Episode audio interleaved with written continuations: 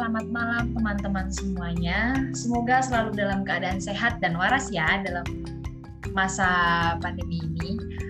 Berjumpa lagi di Kaham Podcast. Kali ini bersama saya, Wanda, dan ada Rani. Halo Rani.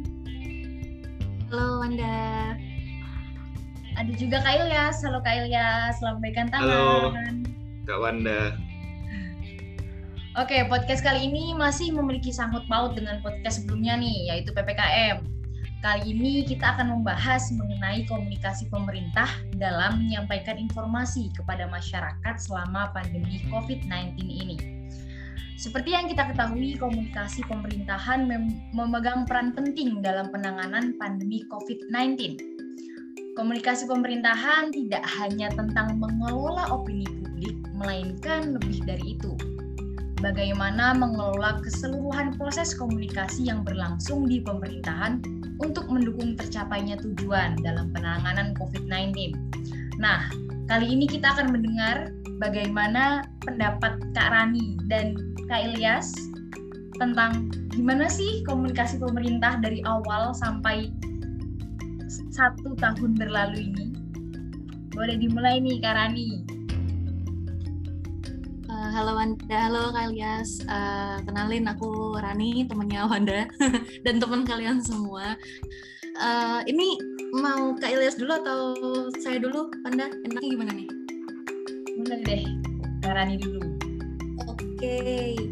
tadi tentang ini ya podcastnya ya tentang bagaimana komunikasi pemerintah bikini bottom dalam penanganan pandemi COVID-19 ya.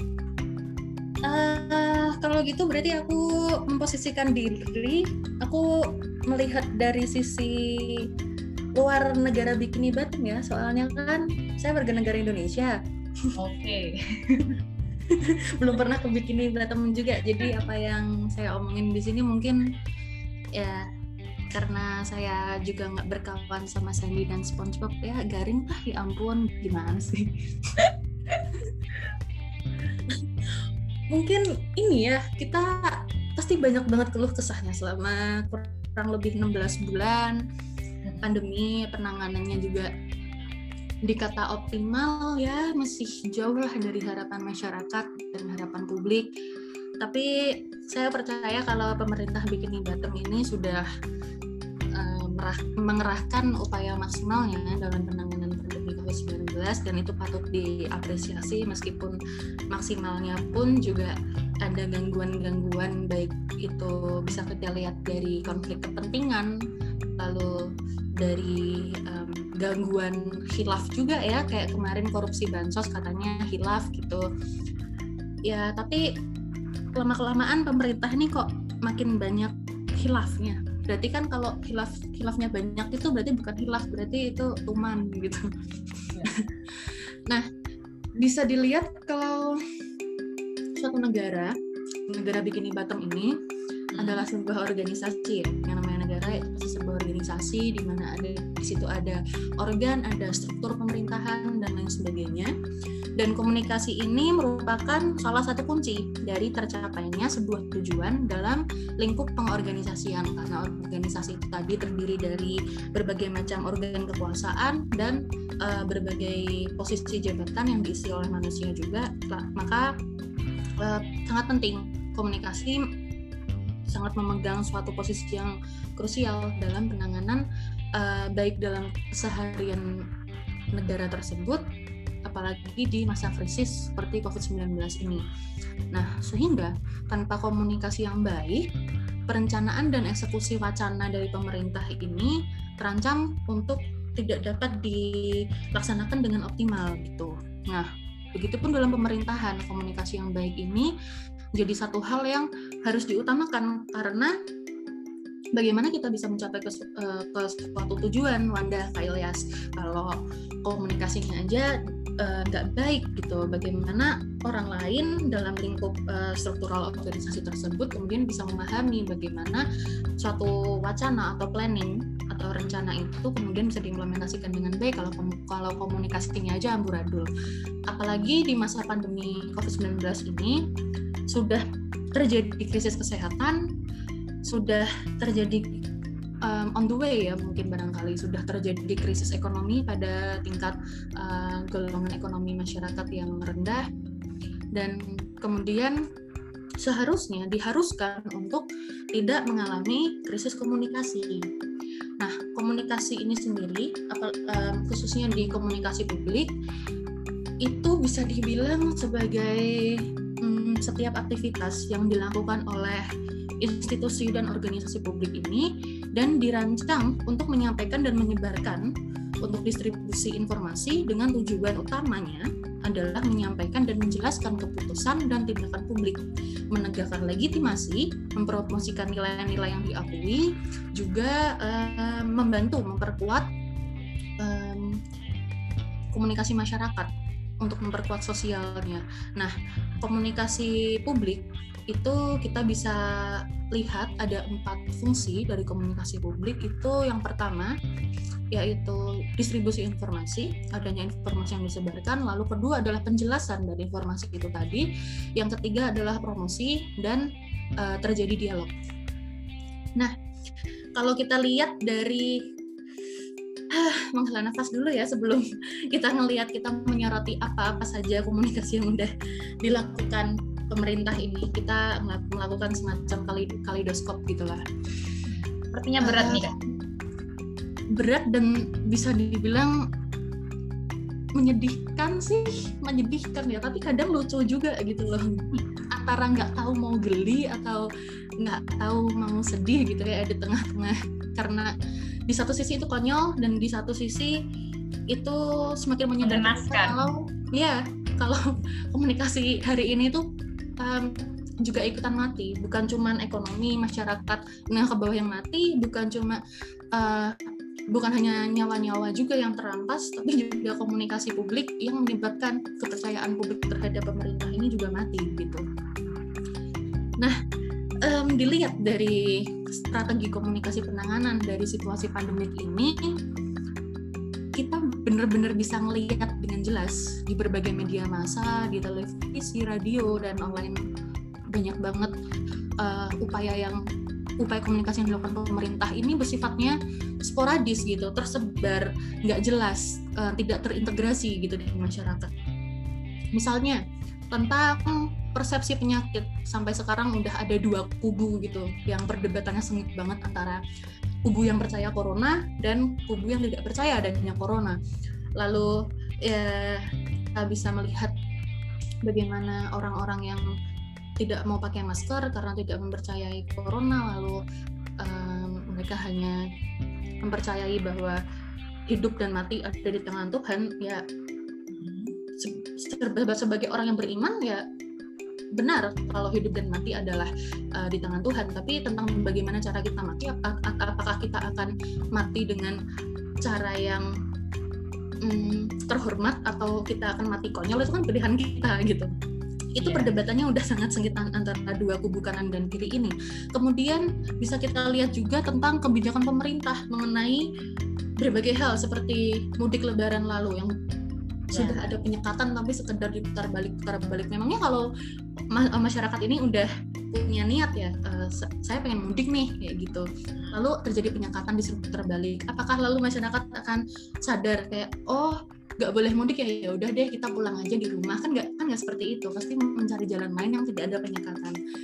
Lalu tentang penerapan ppkm uh, penerapan pembatasan kegiatan sosial PSBB, PPKM darurat yang berganti-ganti nama kayak gitu juga menyebabkan kebingungan dan akhirnya tergerusnya kepercayaan publik terhadap pemerintah. Yang bisa kita soroti di sini pandemi ini udah berlangsung selama kurang lebih 16 bulan ya di Indonesia, di Indonesia sendiri. Kita bisa lihat bahwa komunikasi buruk pemerintah ini terlihat sejak awal banget pandemi ini, bahkan sebelum virus COVID-19 ini belum masuk ke Indonesia itu komunikasinya sudah sangat ya. bagus kalau aku bilang. Ya, setuju. Pasti masih setuju kan? Setuju. Pertama banget nih, sejak COVID ini sudah jadi epidemi masuk di Wuhan. Hmm. Aku ingat banget waktu itu orang tuaku lagi lagi nggak ada di Indonesia. Um, saya waktu itu yang yang saya lakukan adalah waktu saya tahu kalau di Wuhan sudah terjadi outbreak, sudah terjadi epidemi di uh, China sana, saya langsung telepon orang tua saya. Karena uh, yang namanya bandara itu jadi satu objek vital di mana orang dari dari seluruh dunia bisa berkumpul dan bisa mentransmisikan suatu penyakit dari satu orang ke orang yang lain. Itu saya langsung telepon. Papa, mama hati-hati ya di sana. Pakai masker aja.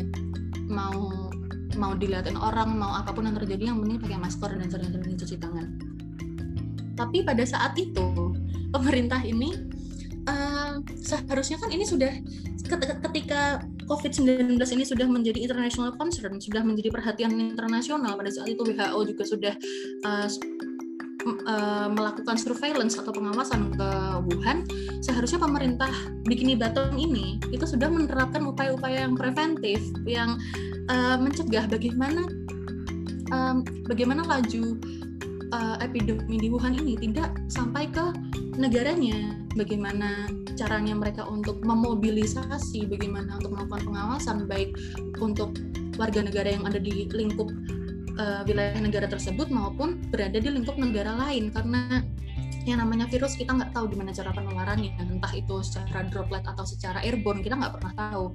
Dan ternyata bisa menjadi pandemi satu outbreak yang luar biasa di seluruh dunia seperti saat ini. Dan tidak luput um, melingkup Indonesia juga. Nah seharusnya dari awal ketika sudah muncul kasus dan um, surveillance WHO kalau uh, sudah dinyatakan bahwa COVID-19 ini sudah menjadi outbreak di China, seharusnya pemerintah ini sudah menerapkan upaya-upaya preventif untuk mengimobilisasi transportasi dari dalam dan keluar negeri. Tapi yang justru kita tahu ketimbang menerapkan deteksi dini dan prinsip kehati-hatian ini, malah pejabat publik kita ini hobi berkelakar gitu. Negara negara ini tuh kayak punya um, bakat stand komedi gitu yang dari mulai COVID takutlah sama doa kuno lalu imun orang Indonesia ini kuat karena makan nasi kucing, lalu minum tolak angin. Iya, karena minum tolak angin, minum jamu, lalu COVID nggak akan bisa masuk Indonesia nih karena isinya terlalu berbelit-belit kan nah, kayak gitu. Sampai di post di Twitter pribadinya loh, pejabat publik, Menko seperti itu.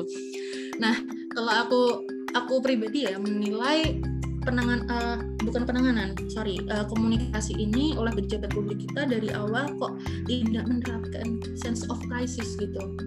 Harusnya kan bisa memproyeksikan ya bagaimana ke depannya apakah kita tahu Indonesia ini bikin bottom maksud saya.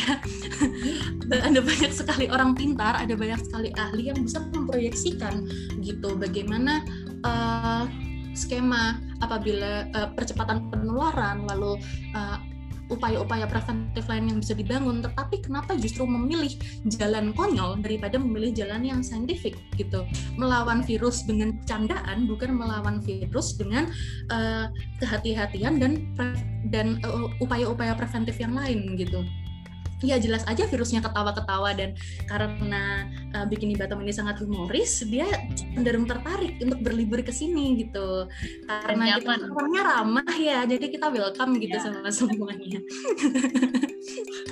Terus yang kedua, mm -mm, terus yang kedua ini bisa kita kita tinjau lagi dari pelaksanaan ppkm.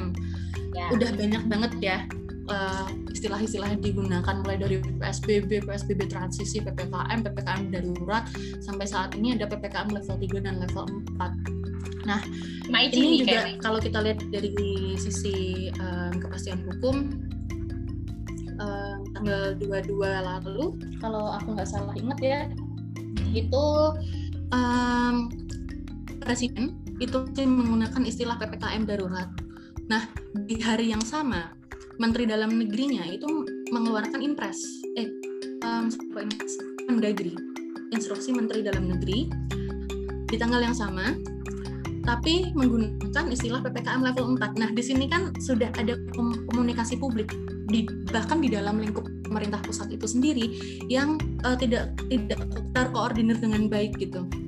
Jadi kita bisa soroti bahwa pernyataan pejabat pemerintahan ini nggak tepat dan di antaranya bahkan itu juga kontradiktif kayak kemarin sebelumnya waktu ppkm uh, eh, mau diperpanjang atau enggak nih kemarin waktu tanggal 22 atau 25 kalau nggak salah ingat itu pejabat publik yang lain itu sudah berbicara sebelum presiden ini mengeluarkan pernyataan resmi yang padahal seharusnya presiden ini menjadi corong utama distribusi informasi kepada masyarakat. Nah di sini kan kelihatan banget ya kalau uh, presiden kita itu nggak aktif di grup WA. harusnya bisa dikoordinasikan terlebih dahulu. Jadi masyarakat itu nggak bingung. Lalu dilihat juga dari pergantian istilah pembatasan dari PSBB, PSBB transisi dan lain sebagainya yang kita udah tahu tadi. Uh, hal ini itu bikin bingung di masyarakat. Masyarakat ini bingung banget dan pemerintah daerah khususnya. Apalagi uh, ada istilah-istilah lain ya kayak sektor esensial non esensial kritikal dan lain sebagainya. Nah ini tuh kan um, konstruksi-konstruksi komunikasi seperti ini tidak bisa dicerna oleh masyarakat oleh masyarakat yang secara luas gitu. Mereka cuma taunya ini boleh dagang atau enggak ini boleh jualan atau enggak sampai akhirnya bahkan aparat pun juga kebingungan masa tambal ban disuruh online? gitu kan. Ya, itu bingung banget nah um, kalau kalau aku sendiri bisa menilai ya kenapa pemerintah ini mempermainkan istilah ini? Ya untuk lari dari uh, penggunaan UU nomor 6 tahun 2018 tentang kekarantinaan kesehatan karena di dalam undang-undang itu uh, uh, ada satu kewajiban pemerintah bahwa ketika pemerintah ini menerapkan karantina kesehatan maka pemerintah ini wajib untuk um, untuk ngurusin nih semua hajat hidup utama hak dasar masyarakat Indonesia. Masyarakat bikin Batam maksud saya. Uh, baik dari kebutuhan sehari-hari sembako dan lain sebagainya sampai pepakan ternak pun juga menjadi tanggung jawab pemerintah pusat. Nah ini hal ini yang jadi yang bisa dibilang dihindari. Bahkan sejak awal pandemi ini muncul di Indonesia pemerintah itu sepertinya alergi banget sama istilah lockdown ya kan sampai akhirnya yeah. Ya. uh, masyarakat dalam tingkat RT tingkat uh, struktural terendah di atas kakak itu menerapkan lockdownnya masing-masing karena mereka sangat bingung mereka harus apa sedangkan penularannya masif luar biasa ya udah lockdown aja sendiri tapi pemerintah pusat sangat-sangat menghindari uh, cara lockdown ini atau karantina wilayah karena dari awal memang udah nggak mau apalagi sampai sekarang at least itu saya nangkepnya seperti itu ya ya positif saja kalau itu Terus kita juga dengar statement-statement dari pejabat publik yang memperhalus makna gitu, misalnya bukan mudik tapi pulang kampung. Terus oksigen ini nggak langka tapi terbatas. Nah, ya, uh, ada lagi apa tuan? Uh, rumah sakit nggak kolaps tapi over capacity. Nah kalimat-kalimat itu kalau Wanda ya Wanda ini belajar komunikasi pasti ngerti nih. Itu kan mengandung ungkapan yang lebih halus ya dari makna sebenarnya. Yeah sebagai pengganti ungkapan yang dira, yang yang dirasa kasar menakutkan dan lain-lain yang namanya eufemisme. Nah, tapi dalam situasi-situasi krisis seperti saat ini, komunikasi dengan eufemisme ini justru menciptakan satu bias yang cenderung merugikan yang mana bias itu seakan-akan itu membelokkan makna dalam penerimaan informasi oleh masyarakat. Sehingga apa? Sehingga masyarakat akhirnya kemarin bisa pulang kampung karena bukan mudik kan? Lalu um, tidak terjadi uh, dengan penggunaan eufemisme ini kemudian uh, justru tidak menjadi sejalan dengan prinsip keterbukaan dalam distribusi informasi di masa pandemi terutama jika kita kaitkan dengan prinsip good governance atau AUPB di situ ada prinsip keterbukaan uh, masyarakat tidak dapat menerima informasi yang jelas dan transparan. Nah, seharusnya strategi komunikasi publik dalam penanganan pandemi COVID-19 ini harusnya dengan komunikasi yang partisipatif, membangun kepercayaan atau trust yang berbasis pada ilmu yang saintifik, bukan dengan nasi kucing, bukan dengan izin yang berbelit-belit atau bahkan dengan doa-doa tertentu. Yeah. Lalu data science ini tuh penting banget guna membangkit partisipasi masyarakat dan memasifkan kembali gerakan nasional yang uh, disiplin taat pada protokol kesehatan.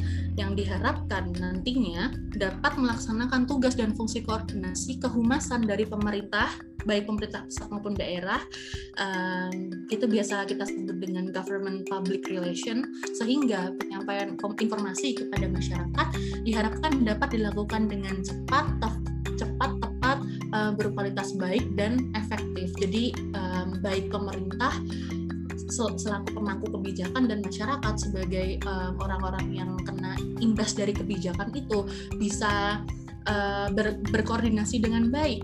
Apa yang harus kita lakukan sebagai masyarakat akan kita lakukan. Apa yang uh, kalian bisa lakukan sebagai pejabat publik, maka lakukanlah. Kalau diplom diplomasi ke luar negeri kita nggak bisa ngelakuin karena kita masyarakat biasa, kita sipil biasa. Tapi itu kan tugasnya pemerintah pusat. Jadi kita bisa benar-benar berko berkoordinasi di situ. Kita bisa menguatkan satu sama lain. Jadi kalau yang selama ini kita lihat di bawah kan kita sekarang bingung nih kita harus ngapain orang tua sakit kita nggak bisa keluar kota dan lain sebagainya. Jadi mungkin itu bisa jadi catatan ya kalau mungkin uh, pemerintah ada yang iseng nih dengerin uh, podcastnya Kaham ya barangkali. Ya. mungkin gitu Wanda ya oke terima kasih Rani. Terima kasih ya. Ya.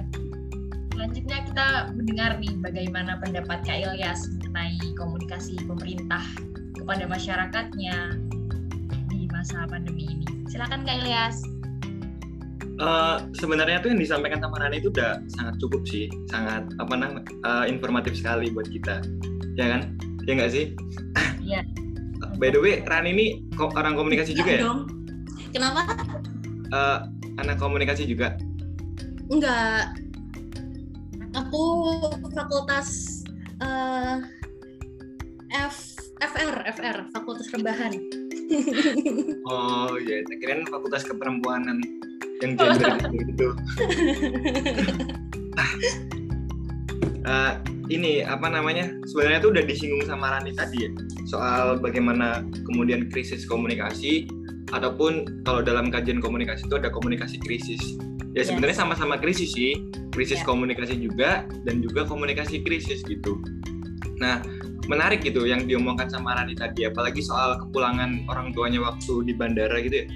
Uh, waktu sepulang mereka dari apa namanya uh, luar negeri ataupun itu uh, setidaknya tuh pernah WHO tuh pernah mengumumkan gitu ya mana sih negara mana yang lebih uh, mempunyai uh, mempunyai hal-hal yang apa ya untuk mencegah corona lebih lebih mewabah itu aku pernah baca soal bagaimana Singapura, negara Singapura itu melakukan upaya untuk pencegahan corona ini agar tidak merambat.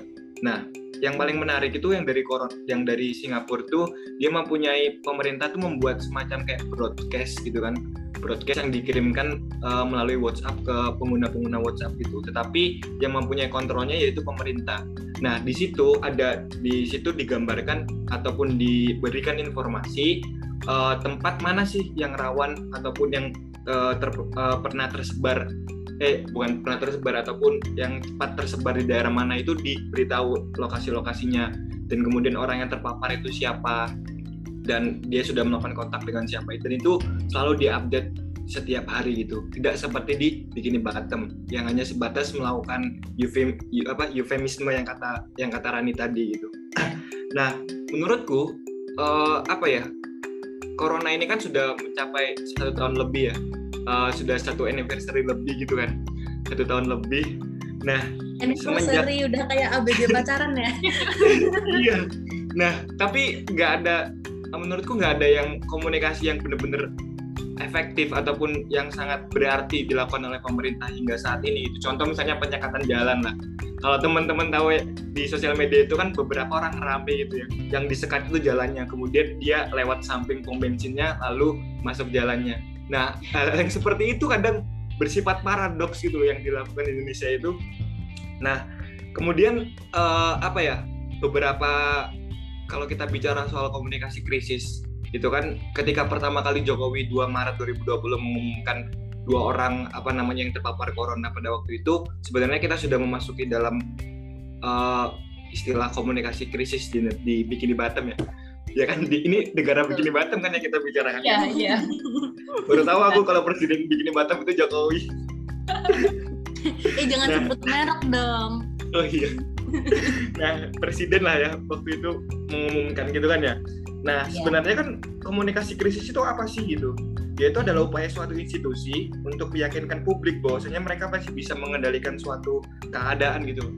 kalau misalnya aku pikir-pikir selama waktu Maret waktu pertama kali corona itu kan eh, media-media media-media baik media swasta ataupun uh, media konvergensi itu mereka beramai-ramai untuk membangun sebuah kecemasan gitu. Maksudnya kita selalu dihadirkan sebuah bahwasanya corona ini uh, sangat menakutkan dan lain-lain. Iya memang. Tetapi yang digambarkan itu adalah sebuah kecemasan-kecemasan terus gitu. Pada akhirnya uh, orang-orang kan berebutan membeli ini yang katakanlah kalau susu putih ya. Susu putih kemudian membeli. Akhirnya supermarket pada waktu itu orang pada berebutan karena yang yeah. ya, karena yang terkonstruksi pada waktu hanya kecemasan gitu Nah, padahal kalau kita bicara soal prinsip komunikasi itu sebenarnya ada enam uh, kalau dari Departemen Amerika itu Amerika Serikat tuh dia mempunyai komunikasi itu ada enam. Yang pertama yang pertama itu yaitu be first, kemudian be right, be credible, express empathy, kemudian promote action dan show respect. Nah, kalau misalnya pem, kalau pem, kalau pemerintah bikin bottom nih sebenarnya sudah melakukan uh, empat prinsip ya. Tetapi yang kurang itu adalah dua sebenarnya, yaitu express empathy sama show respect. Nah, sebenarnya apa ya yang dilakukan hingga hari ini pun tidak menunjukkan show express empathy itu bayangkan saja dengan kondisi krisis ini masih sempat sempat masang baleho coba ya kan meskipun ya, meskipun ya ya kan? Meskipun apa namanya mereka uh, pesan-pesannya yaitu jaga iman dan imun eh itulah. Nggak kan? Tetapi seakan-akan dia tidak tahu Indonesia itu sedang kondisi krisis gitu loh. Itu yang pertama. Kemudian yang kedua tadi sempat disinggung sama Rani juga kan bagaimana uh, izinnya tuh berlibet-belibet gitu kan. Iya. Nah, terus apalagi kemudian Luhut ya kan. Mereka tuh seperti kayak menyangkal gitu, tidak pernah menunjukkan empati yang dilakukan oleh pemerintah gitu. Contoh misalnya pemerintah sudah apa gitu kan, dia tidak uh, setidak-tidaknya tuh uh, ingin menunjukkan empati itu. Kan sebenarnya apa sih fungsinya empati ini? yaitu sebenarnya untuk membangun sebuah kesadaran gitu untuk mendamaikan antara kecemasan itu untuk kita bisa bekerja sama antara masyarakat dan pemerintah gitu. Nah pada hari ini kan uh, rakyat bantu rakyat ya kan. Nah tetapi kemarin aku lihat komen yang sempat menarik itu sampai kapan gitu loh kekuatan apa namanya rakyat rakyat bantu rakyat gitu loh. Padahal kan apakah orang-orang yang diwakilkan itu tidak merasa dia dirinya itu rakyat atau sudah terpisah dari rakyat gitu kan? Yeah. Nah, hal-hal yang seperti ini, empati-empati yang dari uh, pemerintah itu terasa itu kurang gitu. Nah, kemudian yang kedua itu permasalahan adalah show respect. Nah, yang respect respectnya ini kan uh, terasa itu masih juga belum ada gitu. Ya ada sih, tetapi apa namanya memang belum benar-benar uh, mempunyai dampak yang signifikan gitu. Nah, padahal soalnya ketika apa sih pentingnya untuk menumbuhkan show respect itu sebenarnya ketika kayak pemberlakuan soal ppkm psbb dan lain-lain tuh uh, apa namanya uh, publik masyarakat itu dilibatkan. Setidak-tidaknya tuh tidak se tidak hanya sebatas-batas uh, apa namanya langsung langsung di apa ya langsung ditetapkan gitu. Tetapi dia tidak bisa apa ya tidak bisa seperti memberikan timbal balik terhadap ketika itu ketika kita menerapkan kebijakan itu itu kalau misalnya kata Rani tadi itu bersembunyi gitu loh bersembunyi di balik tanggung jawab undang-undang. Terasa itu sangat betul sekali gitu. Karena uh, hingga hari ini pun uh, yang ada tuh yang sangat rekat itu ya rakyat bantu rakyat gitu nah mungkin seperti itu dulu ya maksudnya sambil kita bincang-bincang yang lain gitu gitu Mbak Wanda Iya, bener nih. Jadi dulu tuh tahun lalu ya kayak uh, Departemen Kesehatan Amerika Serikat ini memberikan enam prinsip di dalam komunikasi krisis. Yang udah tadi Kak Elia sebutkan, be first, be right, be credible, express empathy, promote action, dan show respect.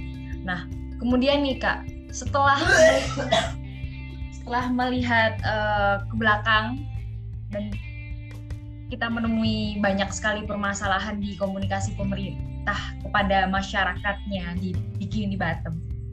Gimana sih kita tuh mengolah komunikasi pemerintah yang bisa dibilang acak-acakan ini agar kita tuh menerimanya tuh nggak nggak hoax nggak salah gitu. Gimana mungkin jawabannya gini ya Wan ya. Ya ah. nggak tahu kok tanya saya. Nah, tadi aku mau jawab itu. Ya nggak tahu kok saya tanya saya. Siapa suruh kamu tanya begitu? Gimana? Kan banyak nih uh, kritik-kritik yang masuk. Wah komunikasi pemerintah tuh gini gini gini sampai ada dokter dari luar negeri yang menyuarakan pendapatnya, yang menyuarakan banyak tentang COVID-19 ini di akun sosial media pribadinya dan itu rame tuh selalu trending tuh di Twitter. Gimana pendapat Kak Rani sama Kak nih? Mungkin dari Kak Ilyas. Gimana nih Kak? apa ya Eh, ini kan berarti nanti kita bicara soal bagaimana strategi komunikasi ya. Iya. Ah, kalau kalau nggak salah waktu apa namanya kita menengok ke belakang itu ada pilkada nggak sih? Ya kan waktu itu kan? Ya. tapi sebelum kita bicara soal strategi itu kayaknya apa ya itu menurutku itu problem gitu. Itu apa ya sebenarnya itu sama seperti yang kasusnya di Iran gitu. Nah kalau misalnya di Iran ini nggak kalau kita bicara strateginya nanti nggak apa-apa kan kita kayak Nggak. menengok gitu membandingkan negara Ya. Bikini Bottom sama negara yang lain gitu Iya. ya gak sih nah Boleh, soalnya boleh. Nah ya. Nah saya tuh waktu itu aku kayak sempat mikir kalau misalnya waktu itu kan di Iran itu eh, apa ya sebelum sebelum di Iran tuh di Indonesia itu kan sempat Jokowi itu ingin menutup-nutupi informasi ya kan? Menutup-nutupi informasi kemudian dia ingin membedakan mana sih informasi yang harus dibagikan sama informasi yang tidak. Sampai Betul. pada akhirnya di akhir Maret kalau nggak di awal April itu dia dikritik gitu. Eh, karena apa namanya ketertutupan soal informasi itu tadi. Ya. ya kan? Nah pokoknya kita se- 16 tahun lebih eh, 16 tahun 16 bulan ini kita sudah sangat apa ya paham bukan paham setidaknya membaca bagaimana komunikasi pemerintah itu. Nah yang menarik adalah waktu aku eh, apa namanya dari pilkada ini yaitu sebenarnya itu kita tuh kayak dipandang tuh nggak penting gitu yang lebih penting tuh agenda-agenda mereka yang mempunyai relasi kuasa gitu. Contoh misalnya di Iran waktu itu Iran juga melakukan pembatasan apa ya, informasi agar informasi itu tidak tidak menyebar gitu. Jadi ada beberapa tentara yang siaga di depan rumah sakit untuk dia apa namanya eh, memberhentikan atau mencegat orang untuk memberikan informasi terkait corona itu karena bagi bagi negara Iran pada waktu itu itu akan menjadi apa ya akan me- akan membuat orang-orang yang di Iran akan merasa cemas kemudian takut gitu kan terhadap corona ini. Nah, apa sih dampaknya? Dampaknya yaitu agenda revolusi yang di Iran itu akan gagal. gitu. Nah, aku sempat mikir kenapa iya memang apa namanya ah eh, pilkada itu memang penting, tetapi apakah keselamatan kita itu tidak jauh lebih penting daripada Ya.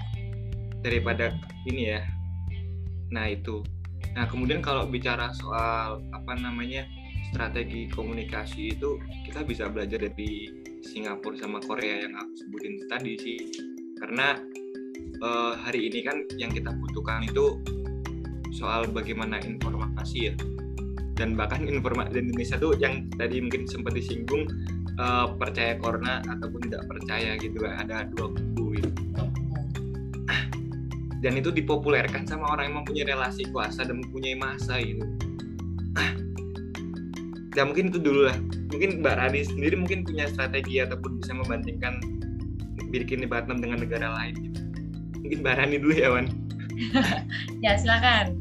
Em, tadi sempat disinggung sama si Ilyas tentang bagaimana eh, kes- keselamatan rakyat itu harus diutamakan. Sebenarnya kalau di em, di hukum di dari di- dilihat dari sektor hukum itu ada yang namanya ada jium salus populi suprema lex esto.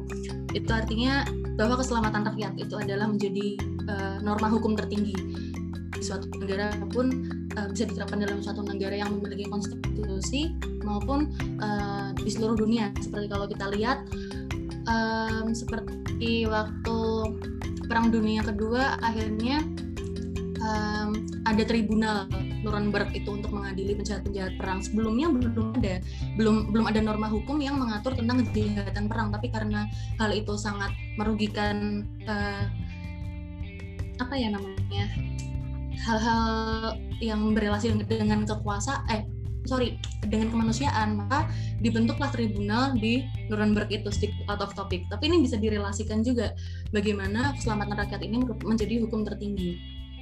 Nah, tapi lagi-lagi yang masih menjadi batu batu halangan tertinggi di depan kita itu bagaimana pemerintah ini sangat menghindari untuk, meng, untuk menerapkan UU karantina kesehatan satu.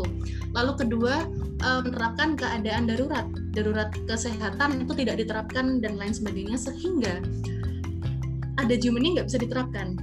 Eh, pemerintah tidak bisa uh, menyimpangi dari konstitusi yang sudah diterapkan, yang aku tahu ya sebatas yang aku tahu sependek pengetahuan aku itu hanya shifting, shifting dari fungsi budgeting di DPR tentang uh, keuangan pakai Perpu tahun 2020 tentang pandemi COVID-19 dan uh, kalau nggak salah masalah masalah krisis ekonomi dan lain sebagainya itu fungsi budgeting anggaran kemudian pak dengan perpu itu di shifting ke pemerintah di, di, dipindah ke pemerintah yang mana pada akhirnya dengan alokasi dana untuk uh, menanggulangi uh, eh, COVID-19 itu akhirnya bansosnya pun dikorupsi.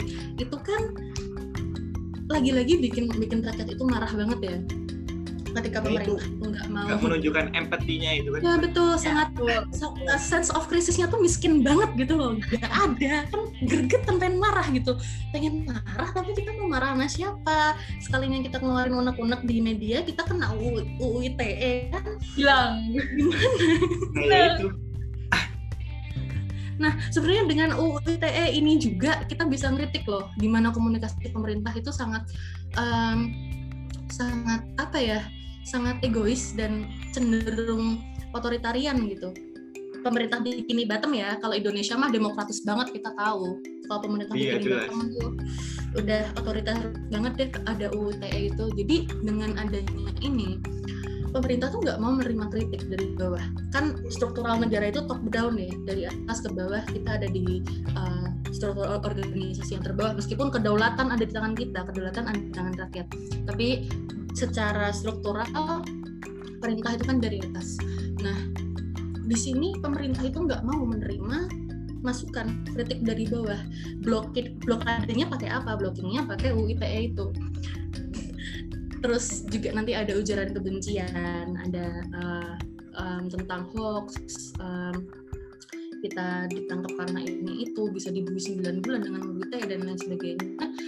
Ini menutup kanal uh, dialektika gitu antara pemerintah uh, stakeholdernya dengan masyarakat. Padahal masyarakat sendiri adalah orang orang-orang uh, yang paling pertama terkena dampak ketika suatu regulasi ketika suatu kebijakan itu diterapkan.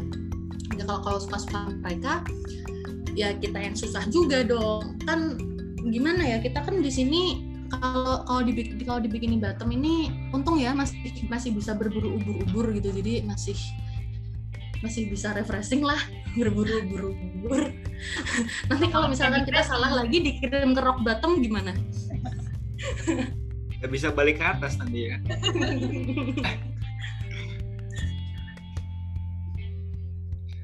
Tapi iya apa namanya sense of crisis in Indonesia di di bikin di Batam ini ya. Aduh salah mau nyebut merek kan.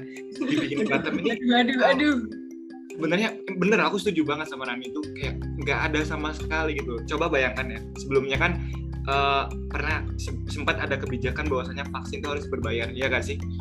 Betul betul. Nah tetapi uh, dan kemudian akhirnya digagalkan dengan aktivisme digital yang dilakukan oleh masyarakat gitu kan yang menolak untuk uh, apa namanya bayangkan saja coba untuk keselamatan untuk keselamatan warga bikin jembatan sendiri loh.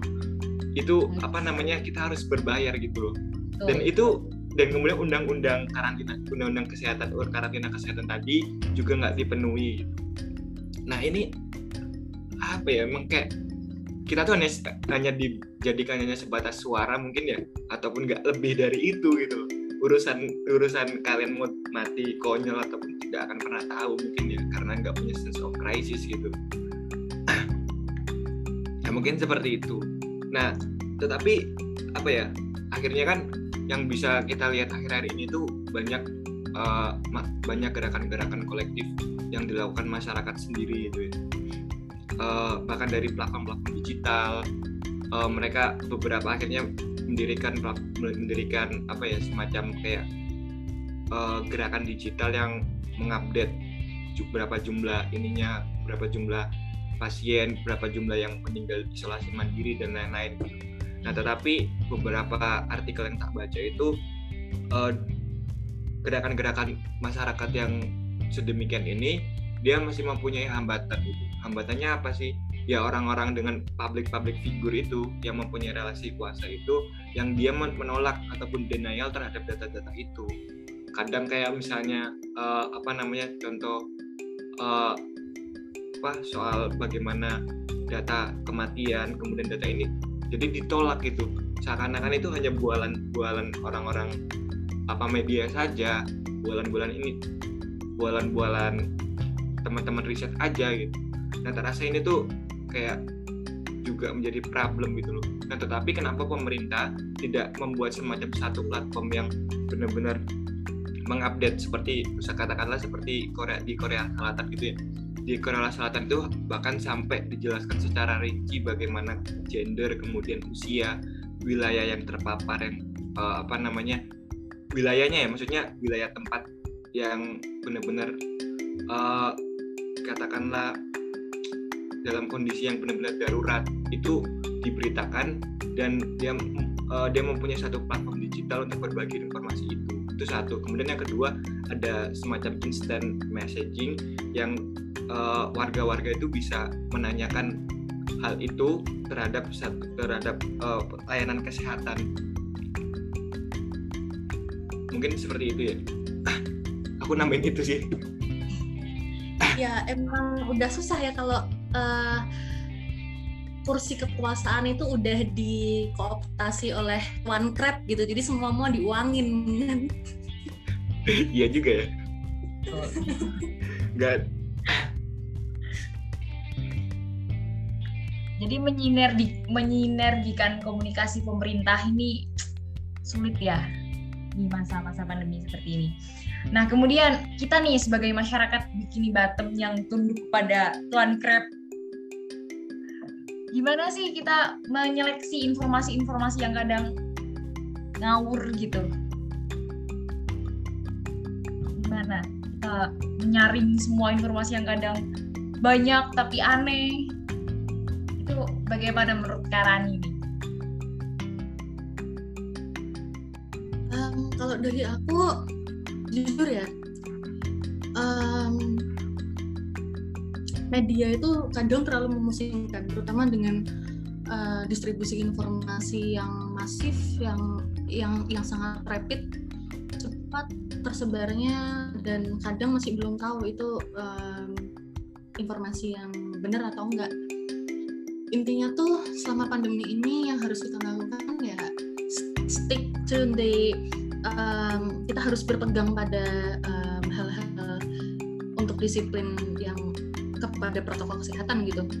Ya udah um, kita bisa vaksin vaksin lah secepatnya.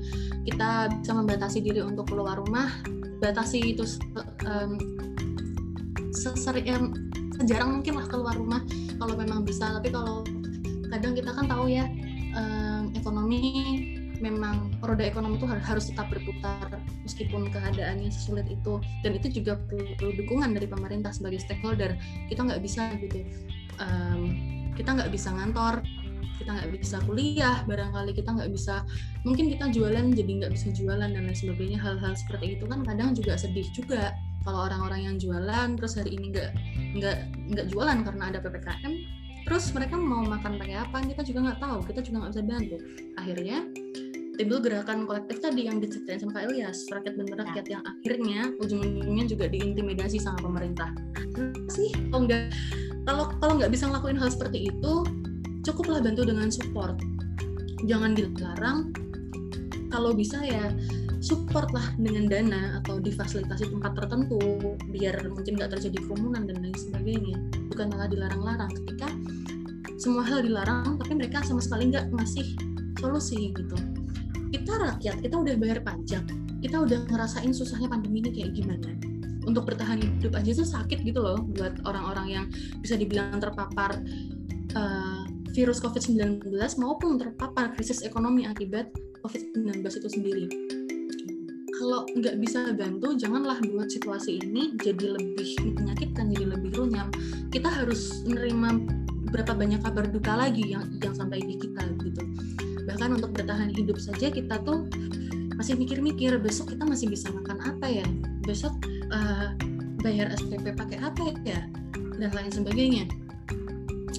Jadi yang bisa kita terapin ya vaksin lah vaksin apa pun vaksinnya nggak usah pilih-pilih vaksin vaksin secepatnya. Lalu um, tes ketika ada mungkin bakti sosial uh, rapid test gratis atau subsidi dan lain sebagainya atau ketika kita mampu pun rapid test kita harus uh, sendiri sendiri kita harus tes orang-orang terdekat kita tersayang kita. Lalu tracing ketika ada satu orang yang positif kita harus ya memang situasinya sulit ya. Buat emosional juga sulit tapi mau nggak mau untuk mempermudah tracing kita juga harus kontak sama orang-orang yang udah kontak erat ke kita. Misalnya aku habis ketemu Wanda.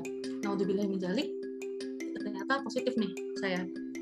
Ya, ya mau nggak mau demi uh, demi kesehatan orang lain juga kita juga harus ngasih tahu nih um, Wanda tolong kamu uh, ini ya tes ya soalnya kemarin kamu habis kontak sama aku sekarang uh, semua harus bisa uh, berupaya secara preventif gitu. Lalu protokol kesehatan itu penting banget pakai masker. Ya ampun mau lu percaya mau lu nggak percaya sama covid please pakai masker.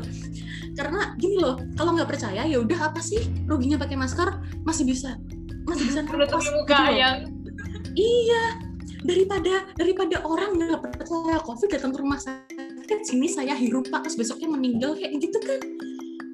Itu tuh mind blowing jadi bilang aneh banget terus cuci tangan cuci tangan jaga kebersihan dan lain sebagainya. Itu bukan hal-hal yang susah kok untuk diterapkan. Cuci tangan tuh hal yang gampang banget kita dari dari kecil dari belum sekolah pasti udah diajarin sama orang tua gimana cara cuci tangan. Kita bisa membatasi komunikasi. Nggak usah kumpul-kumpul kalau nggak penting.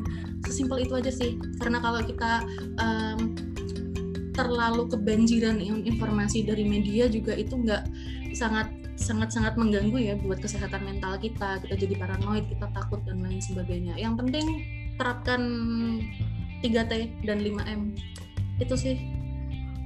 Oke terima kasih Karani kita ke Kak Ilyas nih. Bagaimana Kak Ilyas? Tadi gimana ya? Ini pertanyaannya. Enggak enggak uh, bagaimana uh, kita eh. sebagai masyarakat menanggapi Eh, informasi-informasi uh, yang beredar luas di media sekarang ini? Nah, iya, ini menarik ya pertanyaannya. Sebenarnya tuh malah yang terjadi di antara kita ya, antara publik sama pemerintah tuh malah terjadi gap informasi.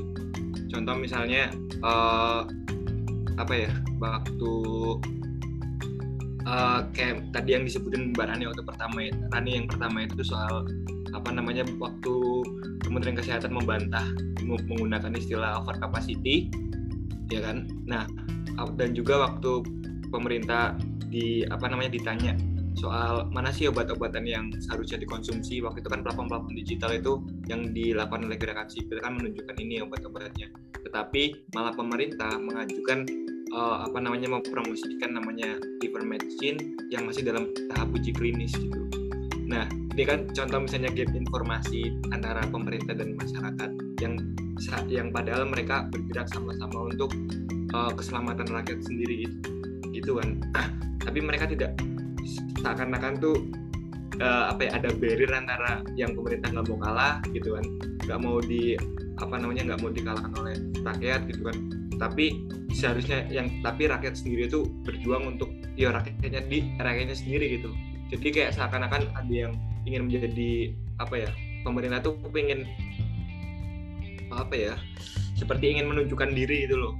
Sebenarnya tuh pada padahal tuh apa ya kayak misalnya waktu dia mempromosikan ivermectin gitu kan yang sebenarnya bagus gitu eh yang sebenarnya masih da dalam tahap uji klinis tetapi malah dipromosikan mendenial apa yang disampaikan oleh gerakan-gerakan sipil itu malah pemerintah malah pemerintah tuh kayak nggak ada inisiatif buat ngerangkul apa namanya gerakan-gerakan sipil yang ada dilakukan sama warga-warga sekarang.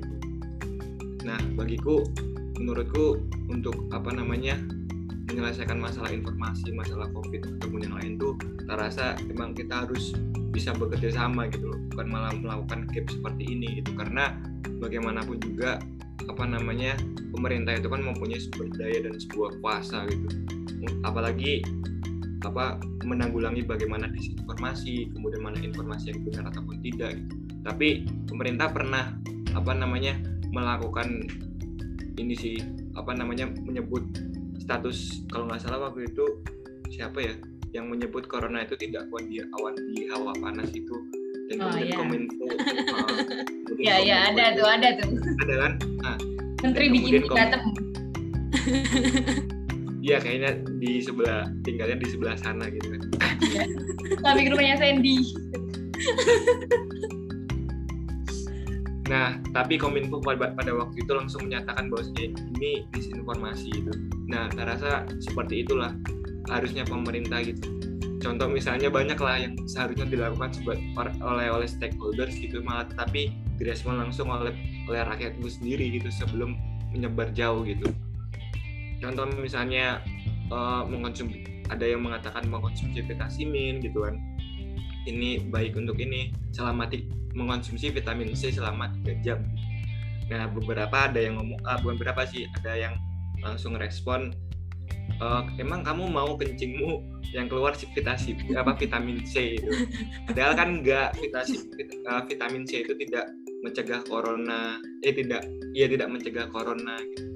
Nah hal yang seperti ini kan akhirnya banyak hal yang kontradiktif gitu. Seharusnya ada satu platform yang memang harus dipusatkan untuk menanyakan ini mana sih uh, yang ini apakah ini mengonsumsi ini bagus untuk kesehatan atau atau bagus untuk mencegah corona ataupun tidak gitu seharusnya ada platform untuk menanyakan ini karena melihat uh, melihat arus informasi yang dibagikan baik di grup WhatsApp baik baik di Twitter di Instagram itu kan banyak sekali itu seharusnya ada satu platform untuk mengonsultasi ini sih menurutku itu lama banget nih kita ngobrol hampir satu jam. Kayaknya nggak bakal selesai deh kak kalau kita lanjutkan tuh sampai besok. Sampai tanya banyak banget soalnya ya. A trip nih jadinya nanti. Udah hampir satu okay. jam ya. Iya. Jadi uh, konklusinya adalah selain pemerintah harus memiliki kredibilitas dalam menyampaikan informasi, publik juga harus menakar kapasitas ketika menemukan informasi dan tidak mengambil kesimpulan di luar kemampuannya agar tidak menimbul, menimbulkan hoax. Jadi pemerintah harus mampu memberikan informasi yang tegas dan jelas agar publik dapat memberikan kontribusi data-data yang mendukung akurasi data. Nah, uh, mungkin cukup sampai sini aja ya kak podcast kita pada hari ini. Terima kasih kepada Kak Rani dan Kak Ilyas yang sudah meluangkan waktunya untuk ngobrol-ngobrol santai nih mengenai komunikasi pemerintah Bikini Bottom. Halo Kak Rani, Kak Ilyas, terima kasih. Terima kasih Wanda, terima ya, kasih Kak Ilyas. Terima kasih pembicaraannya sangat sangat sangat. Beuh. Ya, mohon maaf kalau ada kekurangannya. Ya. Salam ya buat Sandy, buat Squidward. Buat Konrad, semoga salam buat Mr. Crab juga kan ya uh, harus itu semoga nabungnya banyak dapatnya besar restoran Krabby Patty-nya Oke, terima kasih semuanya. Tetap gunakan masker, hindari keramaian, dan tetap menjadi manusia. Terima kasih, selamat malam semuanya. Dadah.